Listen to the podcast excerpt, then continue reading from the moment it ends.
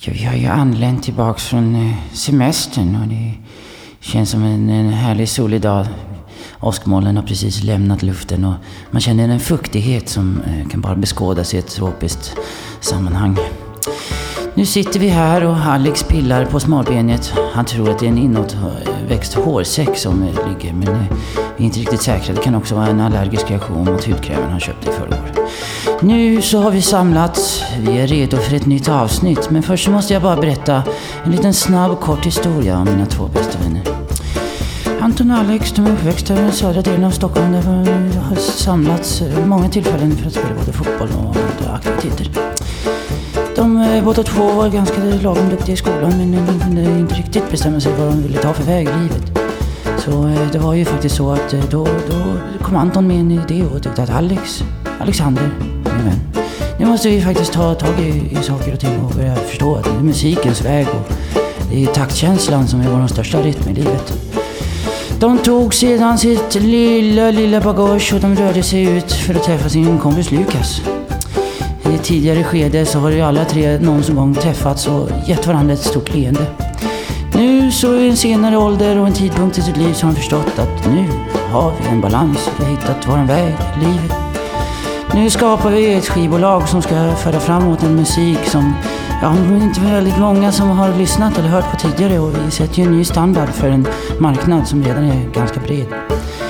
Nu har vi suttit här i en kvart och väntat på att få spela in ett avsnitt i en lokal som grabbarna tillsammans har skapat en stämning i.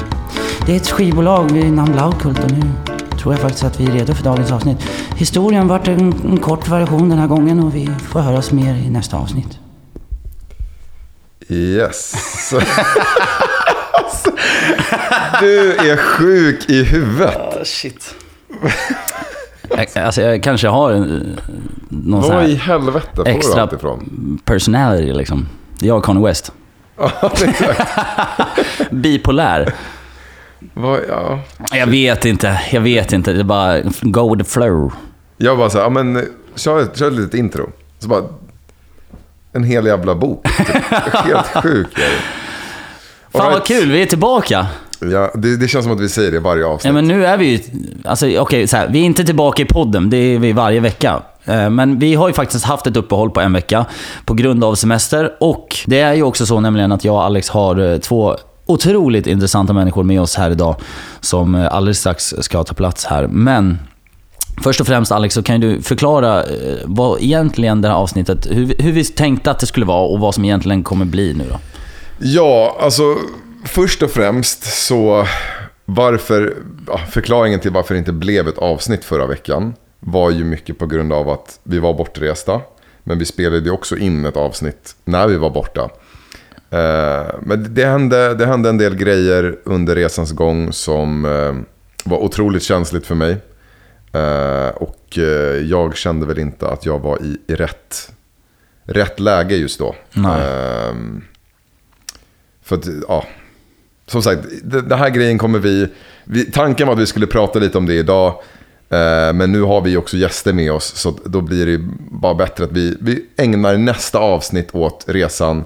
Gå igenom lite vad som hände där och då. Och så, så kör vi ett avsnitt nu där vi pratar om något helt annat. Livets största cliffhanger. Ja, det, ni, ni, kommer få, ni kommer få höra allt nästa vecka. Men, nog om det. Nu ska vi köra igång. Först så tar vi en jingel och eh, sen så bara kickar vi igång det här avsnittet. Det gör vi. All right.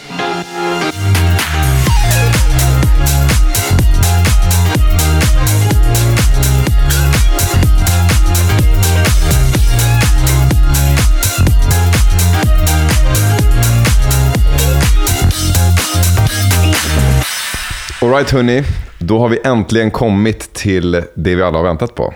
Vi har ju två vackra, sköna gäster här med oss idag. Och eh, vi kommer djupdyka i ett ämne som står mig väldigt nära i och med att jag har genomgått den här processen själv.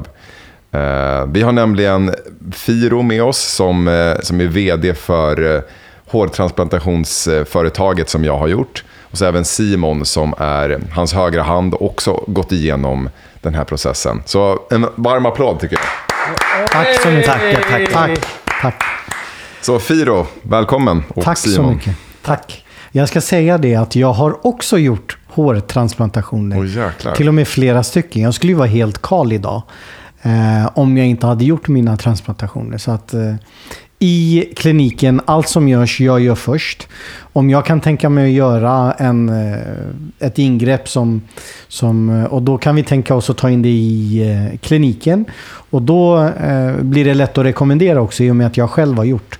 Och så försöker jag hålla det till att men, den som gör min, mitt ingrepp, alltså de som gjorde mina hårtransplantationer har gjort era. Så det är samma personal hela tiden. Alltså jag, jag önskar att ni som lyssnar fick se eh, hur hans eh, huvud ser ut nu. För han sitter här med värsta svullet. Så att ni förstår, om han säger att han skulle vara Karl idag.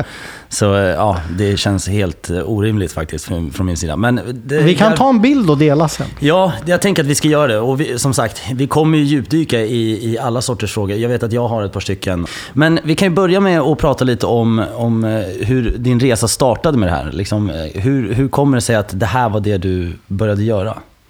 Nej, men jag börjar... Eh, jag är journalist i grunden ska jag säga. Så jag är bra på research. Och sen så började jag bli tunnhårig. Så jag började undersöka ja, men, eh, det här med hårtransplantation i Sverige. Och så var jag på flera konsultationer och jag tyckte att det var väldigt dyrt.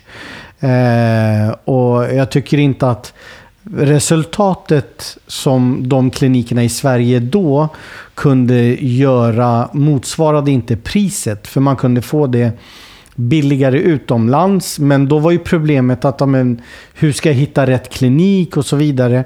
Så då började jag eh, min researchresa. Med min journalistiska bakgrund så kan jag eh, både menar, en ordentlig research, kolla på vetenskapliga studier och sen så är jag ganska bra på att bråka med myndigheter. Att du, hade, du hade alla förutsättningar ord. Ja, nej men det var alltså...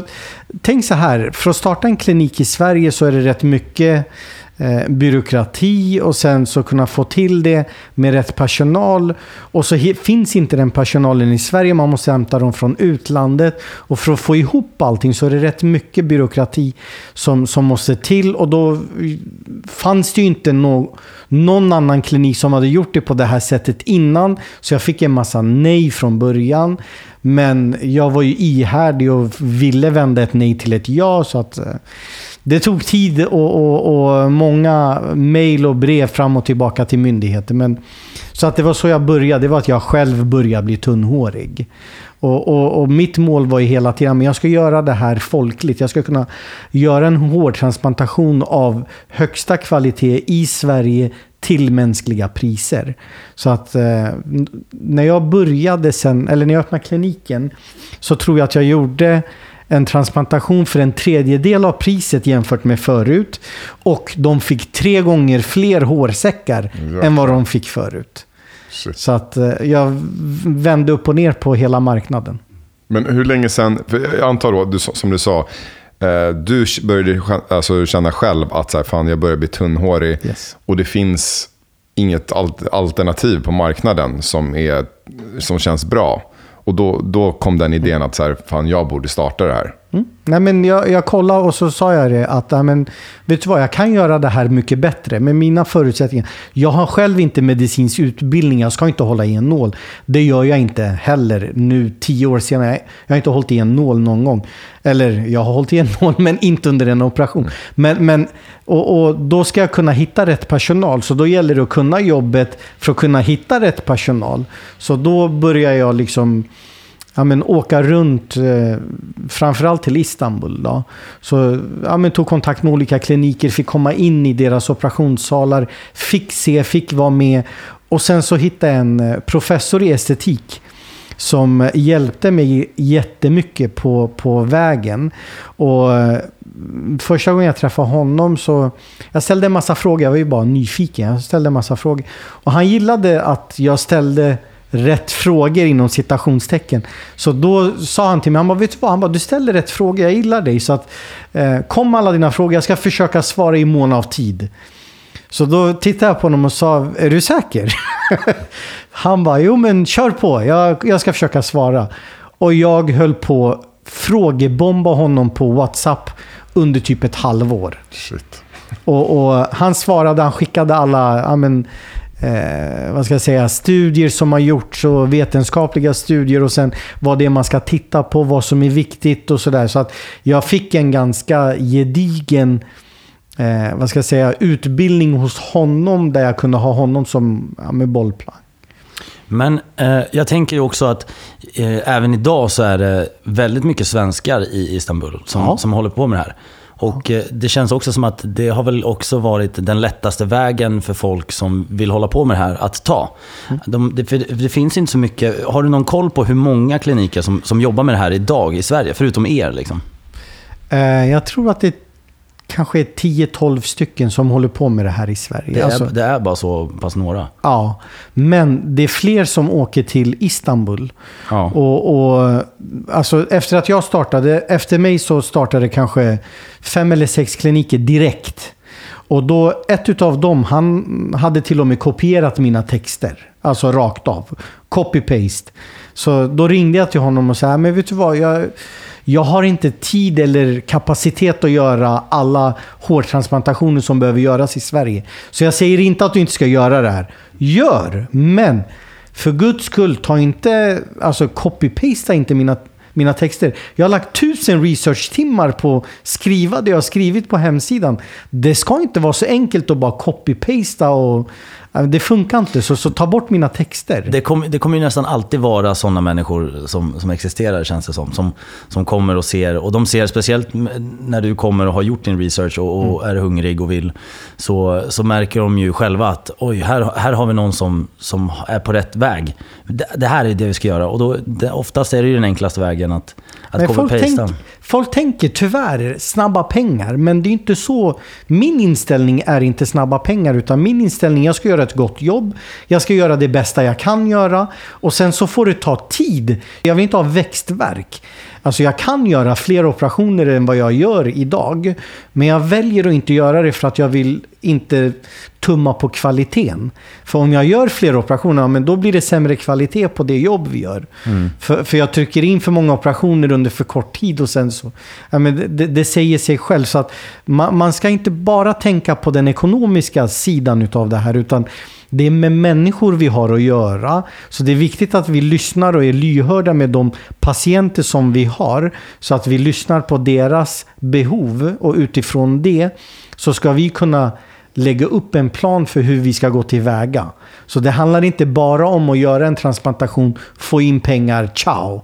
Utan det finns en eftervård, det här tar tid, det är ingenting som går... Det, det, är, ingenting, det är inte som att gå till tandläkaren och sen är du klar, utan det är en eftervård på nästan ett helt år. Under det här året ska du kunna få uppbackning av oss med frågor som, som patienter kan ha. Så det är viktigt att inte bara tänka kortsiktigt, utan det här är någonting som är långsiktigt och även företagsmässigt. Jag, tänk, jag tittar ju på det här långsiktigt. Vi har funnits i tio år. Tanken är att vi ska finnas i tio år till och då kan vi inte ha Alltså bara ta in alla operationer som vi kan göra utan kunna säga nej till vissa för att vi vet att det inte kommer bli bra. Ja, det, jag kommer ihåg första gången eh, för min del i och med att, ja, för ni som lyssnar, många, någon kanske inte vet, men jag har ju såklart gjort då en, en hårtransplantation. Eh, och det var ju en, det var väldigt läskigt kan jag säga. Alltså, för att jag började märka kanske runt 24-25 så började jag tänka på så här, shit, fan. Jag kollade mig i spegeln och bara, jag var DJade ju mycket och, och körde nattklubb. Så att jag var ju på vimmelbilder varje helg. Och eh, då blir det ju liksom väldigt mycket fokus, det är väldigt mycket ljus uppifrån. Och då ser man, alltså shit, det är inte lika, alltså så här, det är inte lika tätt. Och jag hade, brukade alltid få massa komplimanger. Så här, du har så jävla bra hår, så tjockt, så fint. Och sen så bara, ja, med tiden så börjar man inte få de komplimangerna längre. Och det, så här, det tar ju såklart på psyket. Varje gång man vaknar, kollar sig i spegeln, bara shit, fan, mina vikar börjar så här, krypa uppåt. Och jag tror att det är väldigt, väldigt vanligt att många känner så, men att det är också typ lite så här, folk tycker att det är pinsamt att prata om det. Och att det är så här, fan, åh nej, nu, nu tappar jag mitt utseende. Och, och som man ska man också ha så här, den här, liksom, generellt sett så har, finns det mycket sån machokultur att så här, nej men det, det, man får inte, man får inte ha de känslorna typ. Så är många som trycker bort de känslorna och så går de runt och mår dåligt inombords men visar inte utåt. Och då, det här kan jag ärligt säga är en av de bästa besluten jag har gjort i mitt liv. Kul att För höra. att eh, det fick, fick tillbaka mitt självförtroende. Men jag tror också, alltså mycket är ju rädslan då, så här, vad ska andra tycka? Så här, åh nej, om jag gör det här nu, folk kommer bara ha, ha åsikter, påpeka och att det typ känns jobbigt. Ha, vad är liksom ditt största, vad är det största folk är rädda för när de kommer till er? Ett dåligt resultat. Mm. Alltså, kommer det synas att jag har gjort en transplantation? Och då, jag menar, det finns så många skräckexempel där ute. Om man googlar på det här så ser man ju alla de här skräckbilderna. Och de är sanna. Eh, det finns kliniker i världen, eh, även i Sverige, som har riktigt dåliga resultat.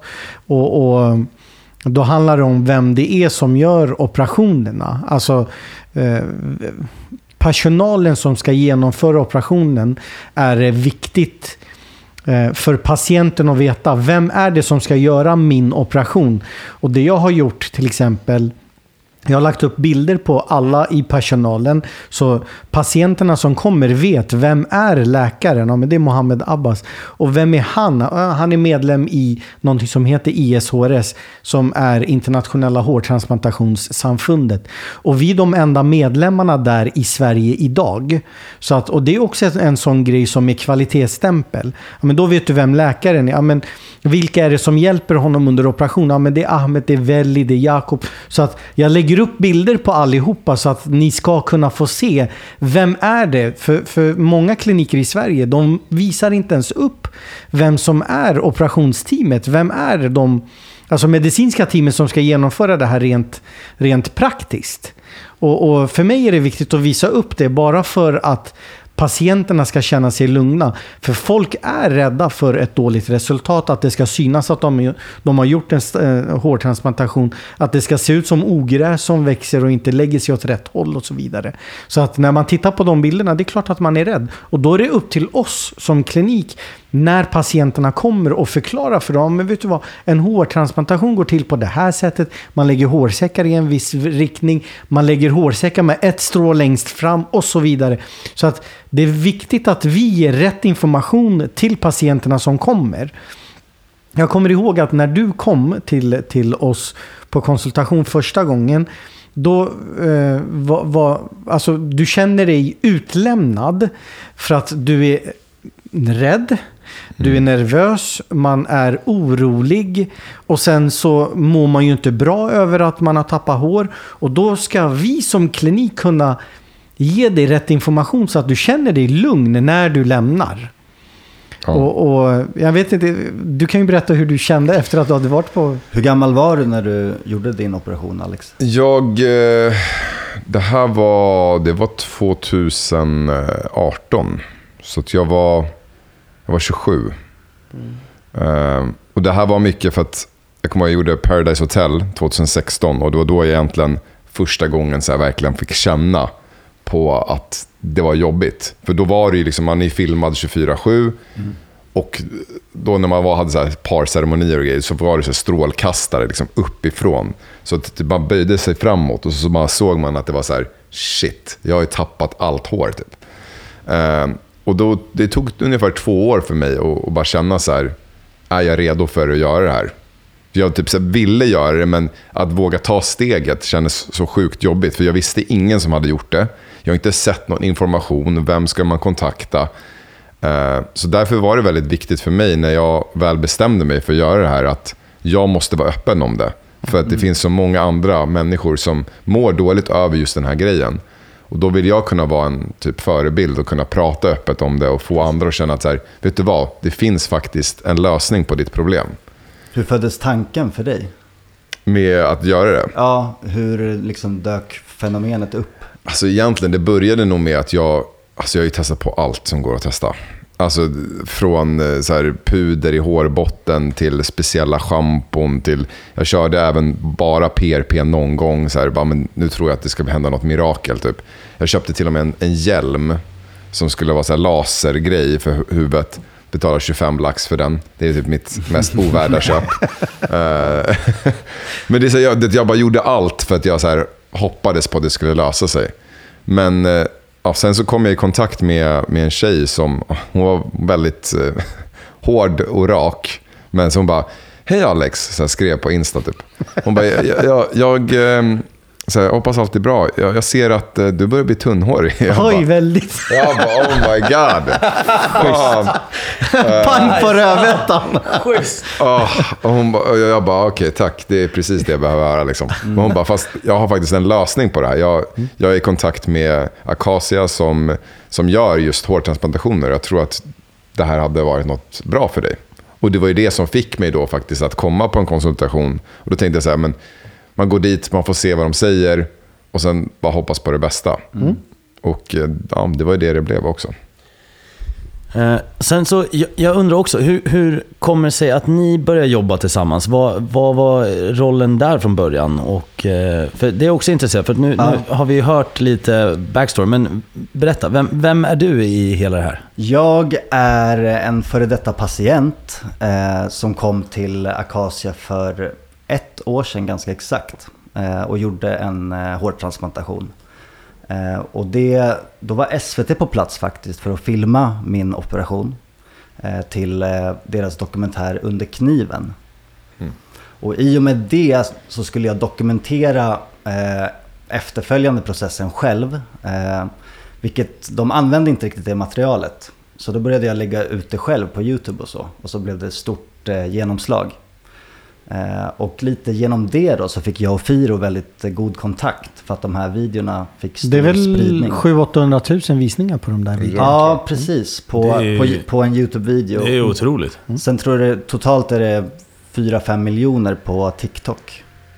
Alltså, Sjukt. ja, det är... Det här visar ju på att det här är någonting som är aktuellt. Det är någonting många killar tänker på. Och, och man vill ha svar på, på frågor som dyker upp och sådär. Så att det är aktuellt och det är någonting som är rätt i tiden. Och sen varför jag blev erbjuden jobb på Acacia, det kan inte jag svara på. Det kan jag svara på. Nej, men jag tyckte att Simon var alltså en bra representant. En, en ödmjuk människa. För det, mitt mål har ju, som jag sa för en liten stund sedan, jag vill ju inte göra alla operationer i Sverige. Utan jag vill göra det på ett kvalitativt sätt som, där vi inte tummar på kvalitet. Och då vill jag ha Alltså, då vill jag samarbeta med människor som har hjärtat på rätt ställe. Vi vill inte bara göra operationer för att tjäna pengar utan vi vill även kunna tänka på människan bakom. Och då tyckte jag att Simon med eh, sin bakgrund och videorna som han gjorde där han var väldigt ärlig och, och berättade sin sida av, av eh, hur en hårtransplantation kan gå till.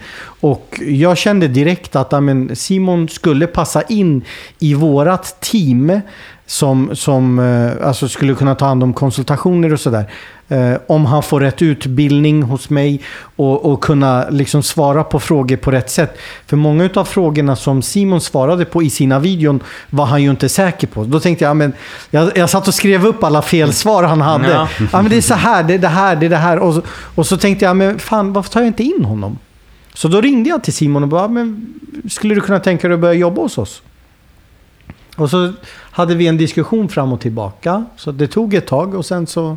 Ja, det kom lite som en chock. Eh, men i och med det stora genomslaget så blev jag lite av en eh, expert på ämnet eh, ändå. Eh, och fick ta emot många meddelanden som du också har fått Alex efter din operation säkert. Eh, så att det blev nästan som ett jobb på min fritid eh, när jag hade mitt förra jobb. Så därför var steget ganska naturligt ändå att eh, komma in på Acacia.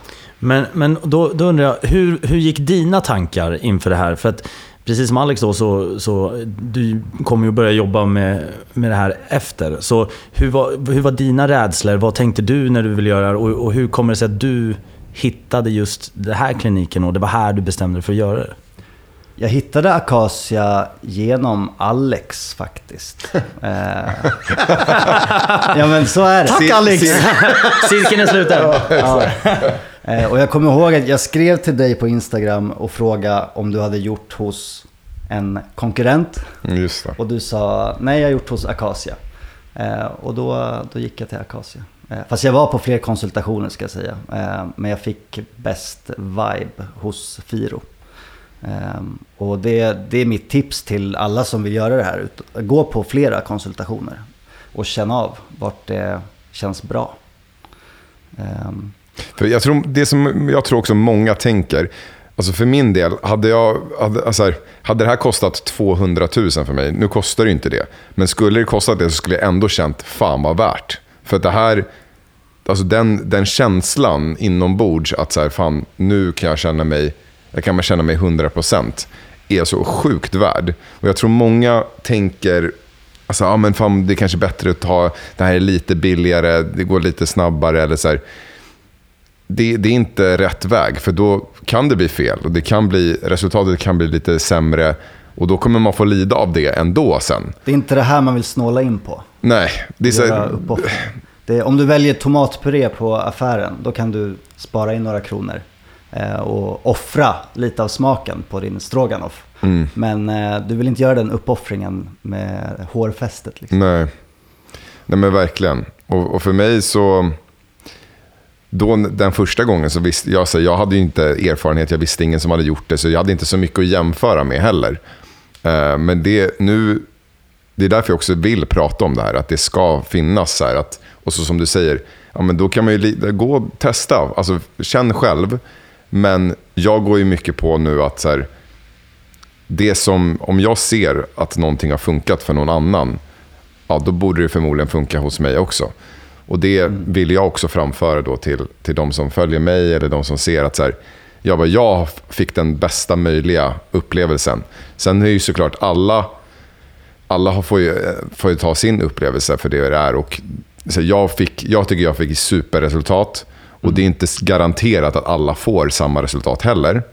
Eh, för att Alla, alla, har olika förutsättningar och det kan vara underliggande sjukdomar, det kan vara en sjukdomshistoria som ser annorlunda ut och så vidare. Men samtidigt så ska jag säga att du har inte fått extra mycket uppmärksamhet för att du heter Alex de Rosso, utan alla våra patienter försöker vi få och känna sig så som du har känt under din resa. Så att jag gör ingen skillnad på vad man har för bakgrund och så vidare när man har kommit till oss. För jag säger hela tiden, nu har, du, nu har Simon varit hos oss i några månader och jag är på vårt operationsteam. Det ni gjorde för mig, även om jag är chefen här, den operation och upplevelse, upplevelse jag fick ska alla våra patienter få. Så det ska inte vara annorlunda om man heter Alex, Simon eller Firo.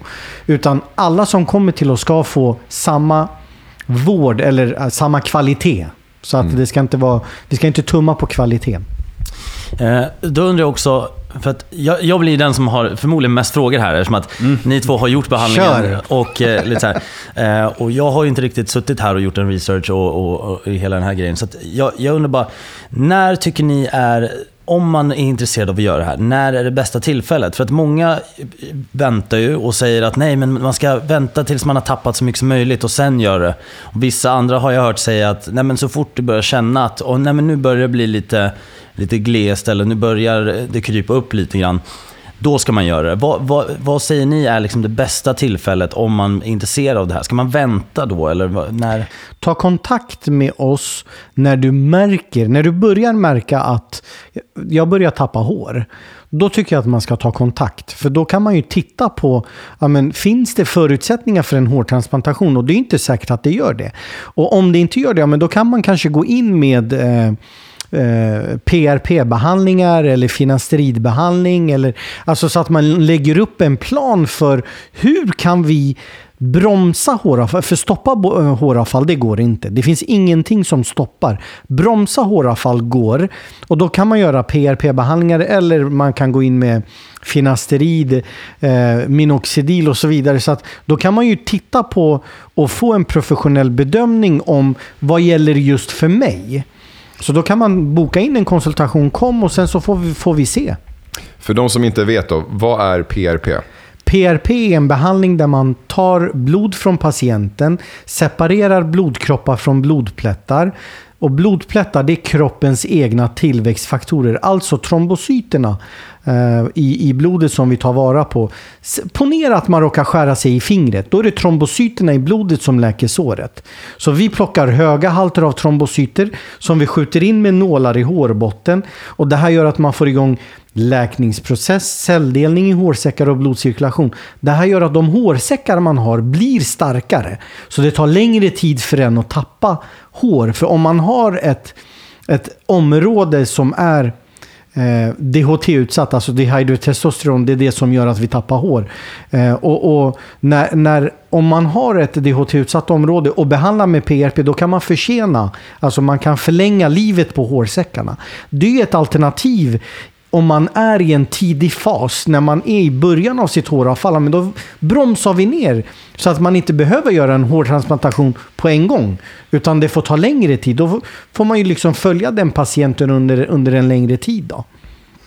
Vad, okej, jag, jag tänker så här, nu, jag vet inte hur mycket koll du har heller Jack, men, Eh, nej, inte jätte. men eh, för nu, ja, obviously vi tre kan ju mycket om, om just det här ämnet just nu.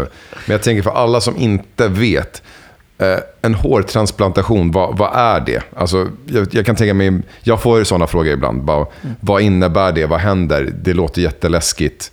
Vad gör man? Vad, liksom, hur Rent lång- praktiskt. Det man gör är att man plockar hårsäckar från baksidan av huvudet. Från ett område som inte är DHT-utsatt, alltså dehydrotestosteron, som gör att man tappar hår. Så man plockar icke DHT-känsliga hårsäckar från baksidan av huvudet och det är alltså området mellan öronen på baksidan av huvudet. Så man plockar dem en och en och det är den metod vi jobbar med, FUE.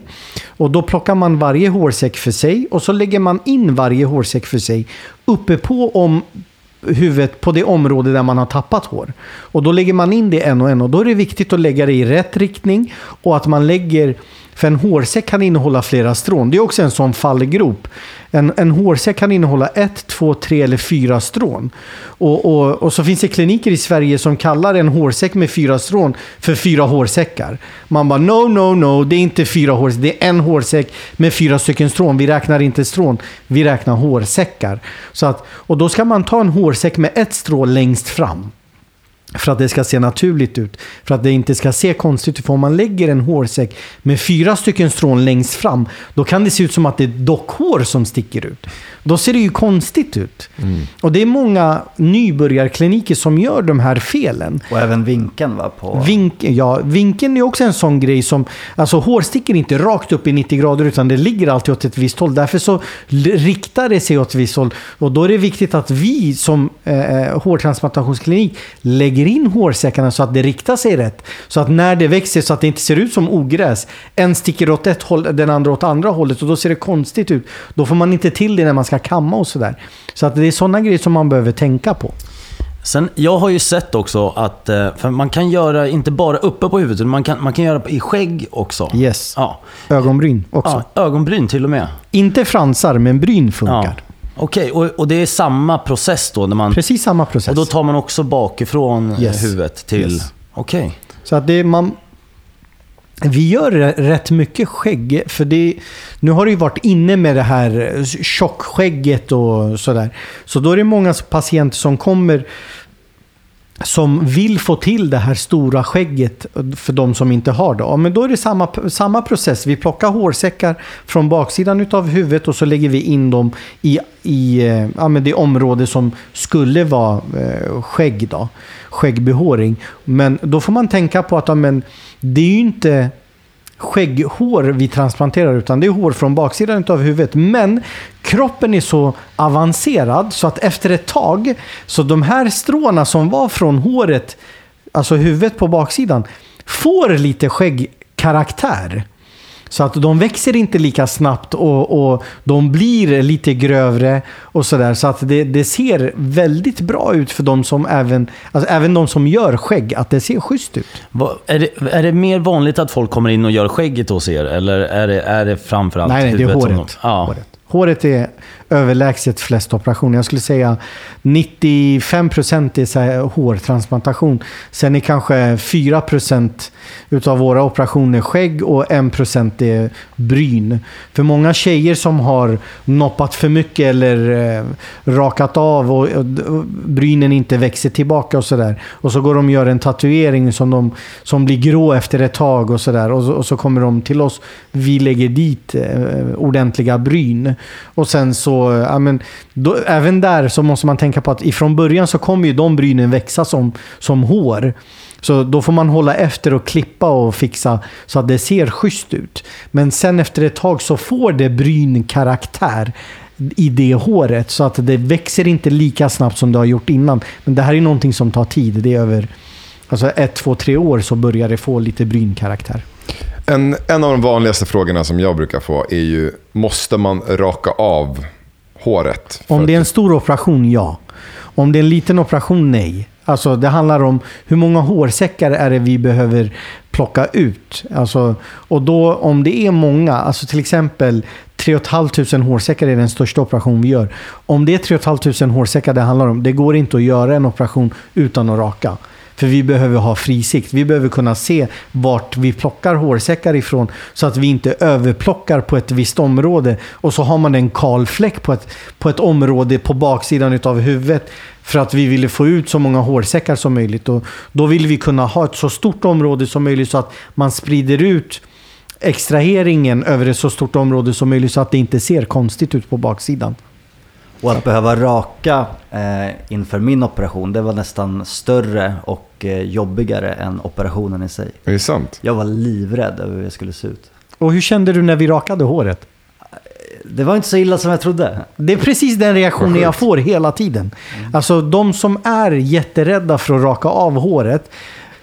Och, och jag har många och långa samtal med patienter och, och förklarar men vet du, alltså du har inte ett konstig huvudform. Det kommer nog inte se så konstigt ut. Och, och sådär. Men det spelar ingen roll. När, när man väl har kommit dit, vi rakar av håret och så står de framför spegeln och så bara, men det var fan inte så konstigt. Det var inte så farligt som jag trodde. Eh, och sen så, jag har ju vänner som sagt, som jag har nämnt för er båda, som, som har gjort behandling. Inte bara Alex då, utan även andra vänner som har åkt till Istanbul. Och, eh, för det, det för mig är den vägen som jag har hört talas om det här. Och det är ju via att jag har vänner som har åkt eh, fram och tillbaka till Istanbul. Och jag har vänner som har gjort, eh, gjort behandlingar säkert fyra gånger och ändå fortfarande inte är nöjda. Eh, och det som jag har märkt på dem som var det jobbigaste är ju Ehm, då vad de har berättat är efterprocessen av att inte få... För att man ska hålla sig borta från solen och... Eller hur, hur går efterbehandlingen till? För att du, du är ju nyrakad och du är nyopererad. Hur, kan du berätta lite om efterprocessen? Jag ska berätta om efterprocessen. Jag ska bara svara på problemet med Istanbul. Ehm, jag jobbar själv med Istanbul. Vi har en klinik i Istanbul också. Eh, det finns över 300 kliniker i bara Istanbul som gör hårtransplantationer. Eh, Utav de här 300 så är 116 registrerade. Resten är inte ens registrerade hos, hos eh, turkiska myndigheter. Så det är ett problem. Problem nummer två är att ofta när man vill göra en operation, man tittar blind på priset. Ja, men jag kan göra min operation för 20 000 kronor i Istanbul. Varför ska jag betala 60 i Sverige? Och, och även i Istanbul, spannet mellan den billigaste och dyraste operationen i Istanbul. Billigaste någonstans runt 800-900 dollar. Upp till 8000 euro. Jag menar, varför kostar en operation 8000 euro i, i Istanbul? Ja, men det har med kvalitet att göra. Man får vad man betalar för. Är det för billigt, låter någonting för bra för att vara, vara sann, så, så är det nog för bra för att vara sann. Så att man ska inte titta blint på priset. Det är, det, jag, det är den rekommendation jag gör. Gå på fler konsultationer, men, men eh, titta inte blint på priset, för det är inte där kvaliteten kommer in. Och i Istanbul, en, en, en klinik som gör en operation under 3 500 euro, skulle jag säga, mm, jag är osäker. Jag behöver vara på plats och se hur de jobbar för att kunna ge en tumme upp eller tumme ner. Jag, jag vet inte. För att, och, och, och det är lite det som du pratar om. Alltså fyra operationer har någon gjort. Fortfarande ser det inte bra ut. Ja, men, Varför gick han tillbaka till samma ställe om han fick ett dåligt resultat första gången? Det borde ringa en klocka. Ja, och det, och det är lite det som har varit... Eh, för mig så har det varit lite att... För innan jag såg och visste att Alex hade gjort det här så är det den informationen som jag har haft. Och jag tror nog att jag är nog inte bara ensam i att ha den här informationen. För att det känns som att det är vad de flesta har hört från början. Och så vet man att vänner åker gjort det och så gör många den här typen av beslut. Där de, de tar ett, ett billigt pris och, och, och de förstår nog inte riktigt eh, bakgrunden till varför det blir bra eller dåligt. Utan folk tänker bara på pris och så går de och gör den här behandlingen. Och så blev det inget bra och så tänker de nej men jag måste bara göra det en gång till. Och sen så blir det inte bra igen och så tänker de att nej men jag är annorlunda, jag behöver nog en operation till. Och så fortsätter de mata på och de tänker inte att ja men det finns nog en annan typ av kvalitet. Jag tror nog att många också i blindo förväntar sig att alla gör samma typ av behandling. Eh, och, eh, och jag tror att det också blir en väldigt eh, en väldigt viktig del av det här avsnittet för folk som sitter och lyssnar. Att nu får de även veta att det, det är inte samma. Liksom. Nej, det, det är inte samma. Och, och det handlar om vem det är som gör operation. Som vi sa förut, jag lägger upp bilder på mitt operationsteam så att man får se och veta vem är det som ska göra just min operation. Och, och det tycker jag är viktigt att man, man trycker på när man går på konsultation. Vem är läkaren? Vem är operationsteam? Vilka är det som ska göra min operation? Och, och det är viktigt för patienten att veta det. Sen så handlar det ju om, alltså det är millimeterpassning. Det, är- det är, vad ska jag säga, eh, när man plockar hårsäckar, det är millimeterpassning. När man lägger in hårsäckar, det är millimeterpassning. Och lägger man in hårsäcken för djupt, då kommer inte det att överleva. Om man lägger det för grunt, det kommer inte att överleva. Alltså det, det är millimeterpassning på hur djupt och vilken riktning det ska vara och, och, och vilka hårsäckar ska man lägga vart. Så att det är massa saker som ska klaffa rätt. Och då är det upp till operationsteamet att veta vad det är de ska göra i vilken del av operationen. Så det är viktigt att man, man förklarar det för patienten att, men vet du vad, alla operationer är inte samma. För det handlar om hur mycket erfarenhet har operationsteamet. Sen kan ju kliniken säga att eh, vi har erfarenhet av eh, 40 000 operationer eller 5 000 eller 20 000 operationer. Ja, men hur kan man verifiera det då? Ja. Det är också en sån grej. Så därför så försöker jag eh, i min information och eh, i mina konsultationer eller våra konsultationer att ja, men kolla på oss. Det här är det resultat du kan förvänta dig. Tycker du att det här är bra, så som jag ser ut, ja, men då kanske vi är rätt ställe. Om du inte tycker att det här är bra, då ska du inte göra hos mig. Så att det blir enkelt att, att visa upp. Så att det blir en verklig person som sitter framför dig som visar ja, men vad det är du kan förvänta dig. Sen del två i en hårtransplantation, det är eftervården. Det du frågade om förut. Det är att ofta så vill klinikerna sälja en operation och förenkla eftervården. Ah, men det är lugnt, du kan gå och jobba efter tre dagar. Bara, no, no, no. Big no, no. Du kan inte gå och jobba efter tre dagar. Vi är stenhårda med våran eftervårdsplan. Och det är lite som Simon har lagt upp en... en, en han, han förklarar det här på ett ganska bra sätt. Men det är som en stafett. Vi tar första rundan, vi gör operationen. Vi gör det på rätt sätt. Sen när du får stafettpinnen så är det upp till dig att göra rätt nu. Och det är eftervården. Tio dagar, du ska vara hemma. Du ska inte gå ut, du ska inte vara fysiskt aktiv. För att hårsäckarna vi lägger in, det är ingen lim som håller det här på plats. Det tar sju till tio dagar tills det här har läkt fast. Så under den här tiden, om du är fysiskt aktiv, hårsäcken hamnar ur sin plats, ja men då är det kört. Då är den borta. Mm. Mm.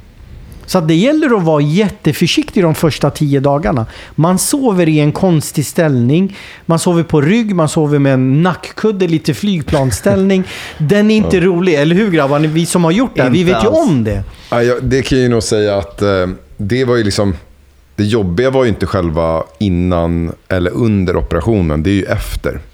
De, de tio dagarna, för att som sagt, då, man har ju öppna sår i huvudet. Ja. Och där, man får inte röra, du får inte komma åt. Så att, och sova, jag satt i liksom min, min gamingstol och sov de första nätterna. Och sen fick man bygga upp någon slags så här, mur runt sig själv så man inte ramlade. Med kuddar. Eh, Så man var ju väldigt utmattad. Du får inte liksom duscha. Du får inte... Och I början också så är man ju... Man har ganska mycket bedövning i huvudet. Så att man, man har liksom ingen uppfattning om vart huvudet slutar. Så att man är typ nästan går in och slår huvudet i, i kanter och grejer. Så man, man, det var en väldigt konstig upplevelse. Ja. Jag slog i huvudet en gång när jag skulle sätta i laddaren i eluttaget. Åh jävlar. Då dunkade jag huvudet i väggen. Det gjorde ont. Ah, jag jag blev rädd Ja. för att eh, sabba hårsäckarna, men det gick bra. Men det, det tror jag nog är, för jag, jag hade faktiskt en, en kille som skrev till mig nyligen, som har precis gjort hos er också. Eh, och hela tiden bara, ah, fan, jag är så orolig. Är det här bra? Är det här? Du skickar bilder och jag bara, men så här, vet du vad? Det, det kommer vara jobbigt i början. Man är orolig konstant. Eh, för att sen så börjar man ju också tappa håret. För att den, den liksom, håret... Typ, Det är det värsta. Ja, jag, tänkte kom, jag, jag tänkte komma till det också. Det är de här tio dagarna som är jobbiga. Man håller på med lotion som man ska dutta på. Eh, Det här med sovställningen, hur man tvättar ur lotionet. Och sen att man ska hålla sig hemma inomhus. Nu har det blivit lättare efter corona i och med att det har varit eh, karantäner och sådär. Folk är vana och, med att hålla sig hemma inomhus. Innan corona, man fick ju liksom, nej du får inte gå ut. Det är stenhårt och sådär. Medan andra kliniker kan säga så här, men du kan gå till jobbet efter tre dagar. Jag kommer ihåg, jag tyckte att eh, du var för hård med, med rekommendationerna med eftervården. När jag var patient. Ja. Men nu, nu förstår jag varför. Du, du bryr dig om resultatet. Ja, jag vill att ni ska få bästa möjliga resultat och då gäller det för oss som klinik att ge rätt information. Även om den låter hård. Vet du vad? Det är tio dagar som är överkomliga. Men efter de här tio dagarna, det, och de är lättglömda också. Efter de här tio dagarna, men när du väl får resultatet, då kommer ni tacka mig och säga, men vet du vad? Det var värt att alltså, stå ut med de här tio dagarna. Man sover konstigt, men man får ett top notch resultat. Jag började ju googla för att hitta det svar som passade mig. Så att, när får man träna? Så kände jag, så bara, ja men här är en som säger att jag får träna. Då, då kör vi på den. Ja, men, och jag tror också speciellt för, för dig som, som även har hand om det här och gör eh, hela behandlingen och sen så skickar iväg patienten och säger alla rekommendationer. Om patienten då inte håller de rekommendationerna och du märker sen att eh, patienten kommer tillbaka och bara “det blev ju inte alls så som jag tänkt” och så bara “okej, men lyssnade du på mig?” Nej, jag gjorde ju inte det. Ja, Okej. Då, då, då kan jag tänka också att man, då blir man ju lite smått irriterad. För att då, då också, man, man försöker ju bara verkligen ge de bästa förutsättningarna och hjälpa patienten så mycket som möjligt.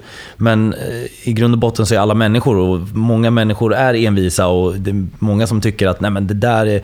Som du, din första tanke, att nej men det där är överdrivet. Ja. Och så börjar man googla och sen så, så sitter de där till slut, tredje dagen på jobbet. Allting kliar, det gör ont, man har slagit i huvudet fem gånger. eh, det, alltså, jag kan, och så kommer man tillbaka efter, efter två månader och bara “du, ska det se ut så här?” och bara, “nej men vad har du gjort?” så bara, “nej men eh, alltså, nej jag...” så bara, “Gick du till jobbet?” “Ja.” “Okej, har du tränat?” “Ja.” “Okej, har du duschat?” “Ja, fyra gånger.” Alltså, det, jag, kan, jag kan förstå att det händer också. Det, har, det, har det varit fall där... Jag brukar vara jättetydlig och övertydlig för att vi inte ska sitta där. Alltså när man har konsultationen under operation, efter operation. Man känner ju av på patienten att ja, men, det här är nog en patient som inte kommer att följa det här till punkt och pricka, då trycker jag på extra mycket att men vet du vad, vill du ha det här resultatet, vill du att garantin ska gälla, då måste du följa våra rekommendationer. Följer du inte våra rekommendationer, då gäller inte garantin. Jag menar, jag säger ju inte det här för att det är roligt att, eh, för mig att säga det här, utan jag vill ju att du ska få ett bra resultat. Det är för din skull jag säger det här. För jag har genomgått det här själv. Och, och jag har inte genomgått det här själv för att det är roligt. Det är inte roligt under de tio första dagarna. Men man ska se framåt. Man ska se det, det stora, alltså slutmålet. Och för att nå slutmålet så, behöver man, så är det delmål man behöver uppnå. En del av delmålen är de här tio dagarna. När du har gjort dina tio dagar hemma. Du kan börja leva som vanligt efter det. Dock, du får dock inte träna en månad. Medan andra kliniker säger att du kan gå, gå och börja träna efter tio dagar. Nej, kroppen, när, jag ska bara förenkla det här så att man förstår. Kroppen har tagit en skada. Vad gör kroppens immunförsvar? Börjar jobba för att återställa det område som har tagit skada. Om man då går och börjar träna, ja, men då går immunförsvaret till att ja, men börja återställa muskler man har, tagit i, alltså man har tagit ut på grund av träning. Då är det inte full fokus. Alltså kroppen jobbar inte för hårsäckar. Kroppen jobbar även för att återställa muskler. Då blir det ju inte ett bra resultat. Alltså, eller det blir ett bra resultat, men det blir inte det här top notch resultatet som jag vill uppnå. Jag vill ju att det ska bli bästa möjliga resultat. Så det är därför jag ger de här rekommendationerna. Det är inte för att jag tycker att det är roligt. Ja, Men alltså, tio dagar är också så här, om man, om man spär ut det på, på resten av livet så är tio dagar ingenting. För, Det, för de är du ska- lättglömda också. Alltså, man glömmer bort. Man bara, "F- ja, det var inga problem efteråt. Men när man är under de här... Alltså när man är på dag sju, man bara, alltså, det var långa sju Ja, dagar. exakt. Jag kan sakna den tiden ändå. Alltså. Nej, men det, var, det var inga måsten. Tjejen handlade, tjejen hjälpte mig med schamponeringen. Hon städade, Eh, fixade. Ja, jag sov när jag somnade. Det var liksom inte, man kollade inte på klockan. Det var bara, man satt i den där soffan och bara Men jag, jag, softade. jag tänker också att jag ska dela, för er då som, som lyssnar och vill se resultaten, så kommer jag dela på, på vår Instagram, på Jacko de Rosso, så kommer ni få se typ hur det såg ut de första dagarna, såg ut efter tio dagar. För att efter tio dagar får man liksom tvätta av och ta bort liksom de här skorporna som man har. ja. Och då så bara shit, värsta resultatet. Men efter det så tar det kanske två, tre månader innan en till en och en halv månad så tappar du de strån Mm. som följde med hårsäckarna. Alltså det du tyckte såg bra ut, man tappar de stråna och då, det, det är den perioden som är värst. Ja, för Efter då, då, en, ser, en och en då ser halv man månad. ännu värre ut än vad man gjorde innan. Och är man inte påläst så blir man livrädd. Ja. Och det där kände jag, då, jag hörde jag av mig till dig hela tiden. Bara, Hallå, det här känns fel, det är någonting som är off. Och det är så här, håret ser kaos ut. Och vad sa jag? Du bara, "Nej, men det, det är så, ta det lugnt. Det, är så här, det här är processen som, som kommer gå igenom. Och där är bara att ha is i magen och eh, ja, sen efter typ ett halvår, då bara shit. Nu Börjar börjar det se bra ut. Exakt. Eh, Så att, eh, för er som har gjort det och kanske är i det stadiet också, om ni lyssnar, så, så är det bara så här, håll ut. Och om ni har planer på att göra det, så här, läs på, var inte orolig. Eh, För att alltså, om ni går till rätt, rätt klinik så, så kommer de göra det bra. Liksom. Tålamod är en del av processen. Alltså, tålamod är ledordet när man gör en transplantation. För det är ingenting som går på en dag. Man blir inte klar på en gång, utan det är en process. Det här tar tid. Jag ska berätta om en patient jag hade. Han skickade mig till mig varje fredag klockan tre. Ja, jag ser inget resultat. Det, här, det, det verkar inte bli bra det här. Och jag fick de här mejlen under åtta veckor. Varje fredag klockan tre damp den ner. Så efter åttonde veckan då ringde jag till honom och, och så sa jag så här, men vet du vad? Så ni ska förstå vad som händer. Alex bestämde sig för att mitt i konversationen öppna en Coca-Cola som... eh, Det var... Den Det, pös. Du skulle nästan bara... alltid så? Det är alltid någonting som du ska pilla på. Du kunde bara gjort det där lite snabbt. Han gjorde det långsamt också, så det drog ut så att det, det avbröt konversationen när det I egentligen halva avsnittet. Ja, strunt samma. Vi går tillbaka. Ja. Ja, nej men jag fick de här mejlen varje fredag. Så vecka åtta, då ringde jag till honom och förklarade för honom att, nej men vet du vad? Eh, det här är en del av processen. Dina mejl kommer inte göra så att det här, den här processen går snabbare. Utan jag tycker att du ska ha is i magen. Hör av dig till mig när det har gått nio månader. Om det fortfarande är så som du skriver i dina mejl, du ser inget resultat, det, verkar vara något fel. Så, så ring mig om nio månader. Eller skicka ett mejl om nio månader. Om det fortfarande är dåligt, då lovar jag dig att jag kommer göra mitt bästa för att du ska få eh, bästa möjliga resultat. För just nu så kommer vi inte komma någonstans. För att det är en del av processen. Du tittar dig själv i spegeln varje dag. Du ser ingen skillnad. Det är bättre att ta en bild idag, jämför om tre månader. Det är då du kommer se skillnad. För du ser inte skillnad genom att titta dig själv i spegeln varje dag. Och så fick jag ett mejl nio månader senare. där han tackade och, och sa att jo, men du hade rätt. Det var en del av processen. Jag var otålig. Man vill ju ha resultat på en gång. Jag förstår att man vill det. Men man måste ha tålamod. Jag eh, tänkte bara att eh, vi ska ta möjligheten också och, och ge lite mer information. Om man vill få tag på er, hur alltså, vad är bästa sättet att, eh, att hitta er? På hemsidan, på vår hemsida, får jag säga hemsidan? Ja, absolut. www.acasiamedical.com Eh, och då, högst upp så finns en banner som, där det står boka konsultation. Klicka där, då kommer ni till, eh, ja, men ni ser vårt schema när man kan få bokningstider. Så är det bara att klicka, fylla i era uppgifter, boka en tid, så är ni välkomna att komma. Och då kan man ha telefonkonsultation, man kan bara komma på konsultation på plats och sen så kan man ha konsultation med bilder. Så Boka en tid för en konsultation. För då får ni exklusiva 45 minuter. Och då koncentrerar vi oss bara på just er.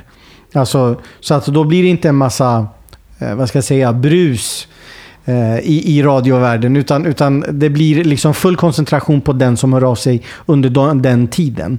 Så då kan vi ge raka svar, rätt svar och, och information om vad man kan och inte kan och så vidare. Ha, har ni någon Instagram där man kan också även hitta fler bilder och, och liknande på tidigare? Ja, både Instagram, TikTok och eh, YouTube. Okej. Lägger Vad är det vi eh, söker på då för att... Eh, nu ska vi se. På Instagram är det Acacia understreck medical.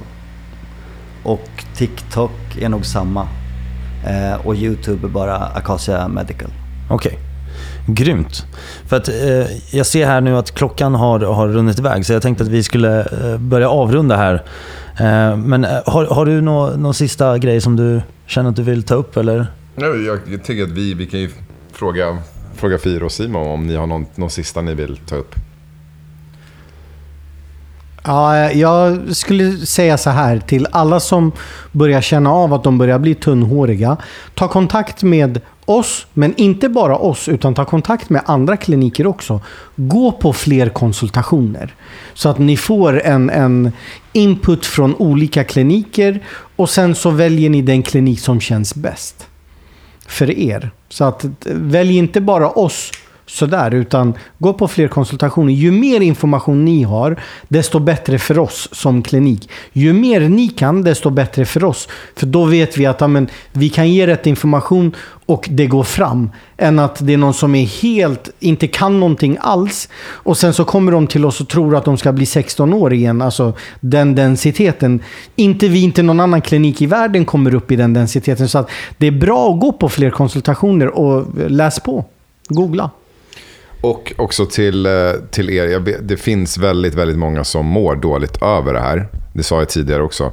eh, som inte vågar prata om det. Och det är okej, man behöver inte prata om det. Men det finns en lösning. Det finns någonting som kan göra att du, du mår bättre. Eh, och så om, om man känner att man tycker att det är jobbigt att man börjar tappa hår eller så, så, så finns det faktiskt någonting som kan göra att du kan må bättre igen. Och det, det för mig kan jag ju ärligt säga att det har, har gjort otrolig skillnad i mitt liv. Så att jag, på de här fyra åren som jag har liksom, det, jag vet inte, jag, jag känner mig så här, det känns som att jag var, började tappa mig själv. Självförtroendet och bara så här, min självkänsla, allting var bara så här, gick bara neråt. Och speciellt i och med att man har synts i tv och sociala medier. Folk är brutala.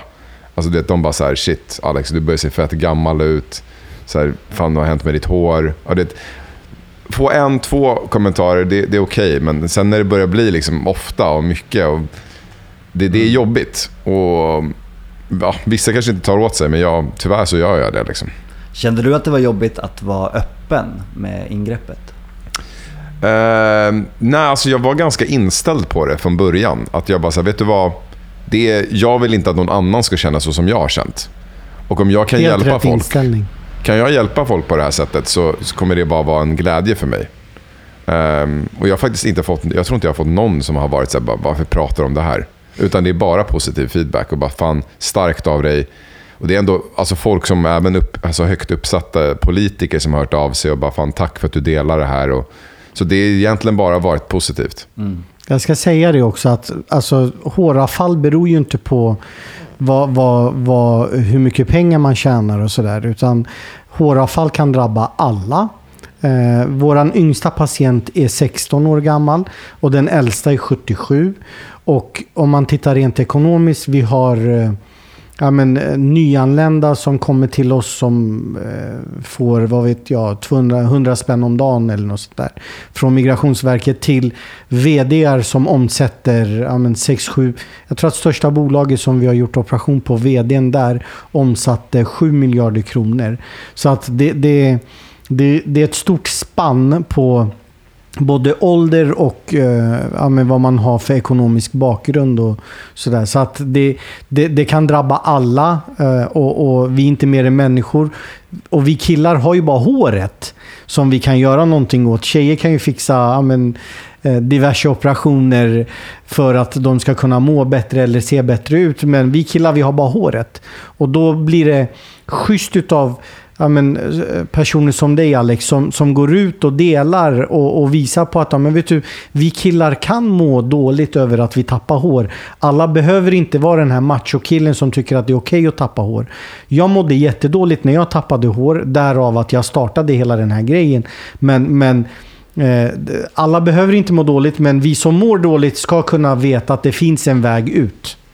Så det är schysst av sådana som dig som visar det. Och, och, så ska jag säga också, vi gjorde operation på Joakim Lundell. Han har gjort tre, fyra videon eh, om sin eftervård och sådär också. Och jag uppskattar att ni gör det här för att ni visar för de som kommer efter er att men vet du, det finns en lösning. Vi kan få håret tillbaka. Eh, och, och, och, om man gör det på rätt sätt så, så blir det väldigt bra också. Och det är schysst av er att visa det. Och det så finns väl, föregå med gott exempel. Det finns väldigt många världsstjärnor som gör det här men inte berättar om det. Mm. Som då vi vanliga människor sitter och jämför oss med. Att vi ja. vill se ut som David Beckham. Nu säger inte jag att han har gjort det, men det finns rykten som säger det. Man, ni får googla. Vi ska, vi ska nog säga också att det är inte vi som har gjort Beckhams. Nej, men däremot så har vi gjort eh, operation på väldigt stora svenska namn. Alltså otroligt stora namn. Som vi inte får dela för att det är patientsekretess. Och patientsekretessen är stark i Sverige. Så man måste själv gå ut och säga, vi får inte säga att den och den har gjort operation hos oss. Mm. Men då vill jag bara ta i akt och, och, och ge er en, en varm applåd och ett stort tack för att ni har Tack för att vi fick komma. Tack snälla. Tack. Fantastiskt avsnitt. Verkligen. Skitkul att få höra er story. Och som sagt, jag har ju varit, eh, varit med på den här historien. Eh, och för dig Jack så är det ju kanske mycket frågor som du fick besvarat. Och, ja, eh, ja alltså jag, eh, jag har ju fått nog mest information här idag känns det som. Jag, jag blir ju en av lyssnarna nästan. Så att, eh, jag hoppas att ni som lyssnar har blivit lika glatt överraskade som jag har. För att jag känner verkligen att vi har, vi har gått igenom det som behövdes gå igenom och, och jag känner att det, allting känns supertydligt för mig nu i alla fall. Om det skulle komma en dag där... Du behöver inte vara orolig ifall du börjar. Nej, exakt. Utan nu känner jag att eh, om det kommer till en tidpunkt där jag, där jag känner att det här skulle vara aktuellt, så, så nu har jag den, den informationen som jag behöver. Hur ser det ut i släkten? Det, det ser ganska bra ut, tack och lov. Men man vet ju inte. Ja, alright. Tack så hemskt Tack mycket för att vi fick Simon. komma. Tack. Eh, grymma är ni. Och eh, så hörs vi tills nästa gång. Ha det bra.